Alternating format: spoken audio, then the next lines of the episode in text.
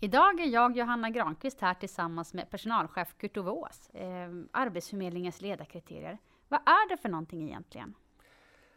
Det är kort sagt så är det en konkretisering av vad du som chef och även jag naturligtvis gör när du lever efter ledningsfilosofin och styrmodellen.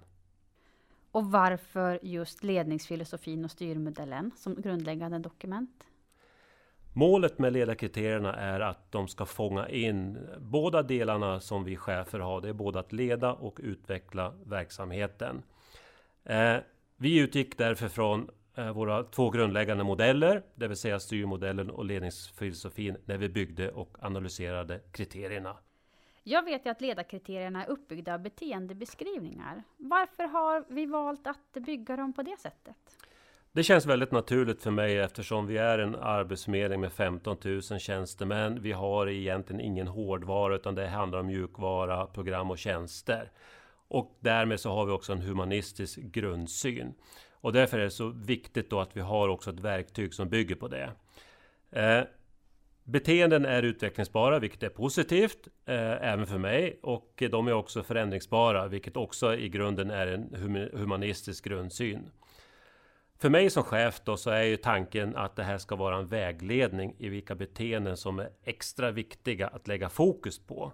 För att ge de rätta förutsättningar då till mina medarbetare då för att använda sitt eget självledarskap.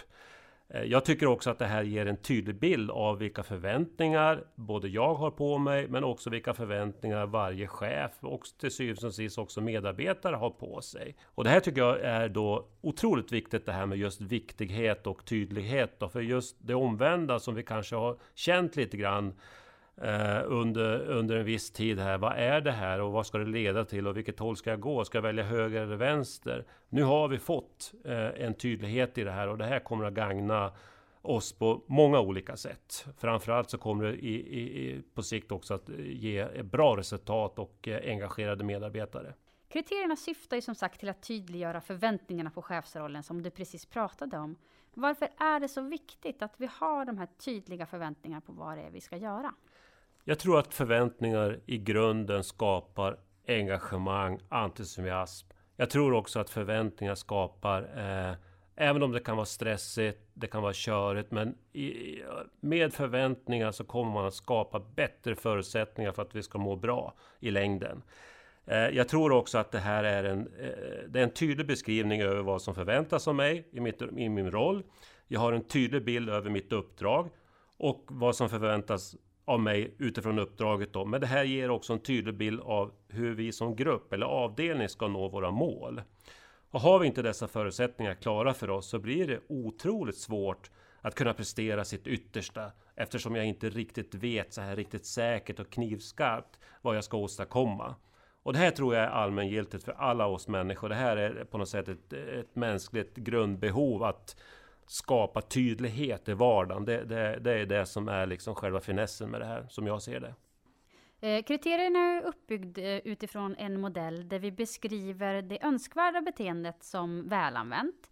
Men det beskriver också de mindre önskvärda beteendena som under respektive överanvända.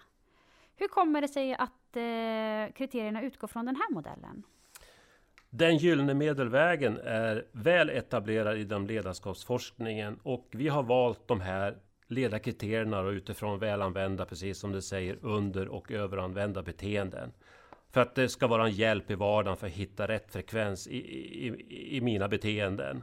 Eh, personligen så gillar jag just det här med välanvänd, under och överanvänd. Därför att det blir inte rätt och fel, utan det har en koppling till i vilket sammanhang och vilken situation jag befinner mig i, men även min grupp befinner mig i.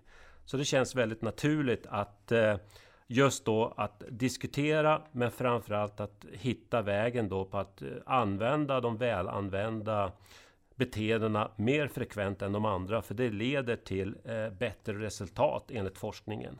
Mm. Eh, så Kurt-Ove, vad säger du att kriterierna kommer kunna tillföra organisationen, förutom att skapa just den här tydliga bilden av chefsrollen?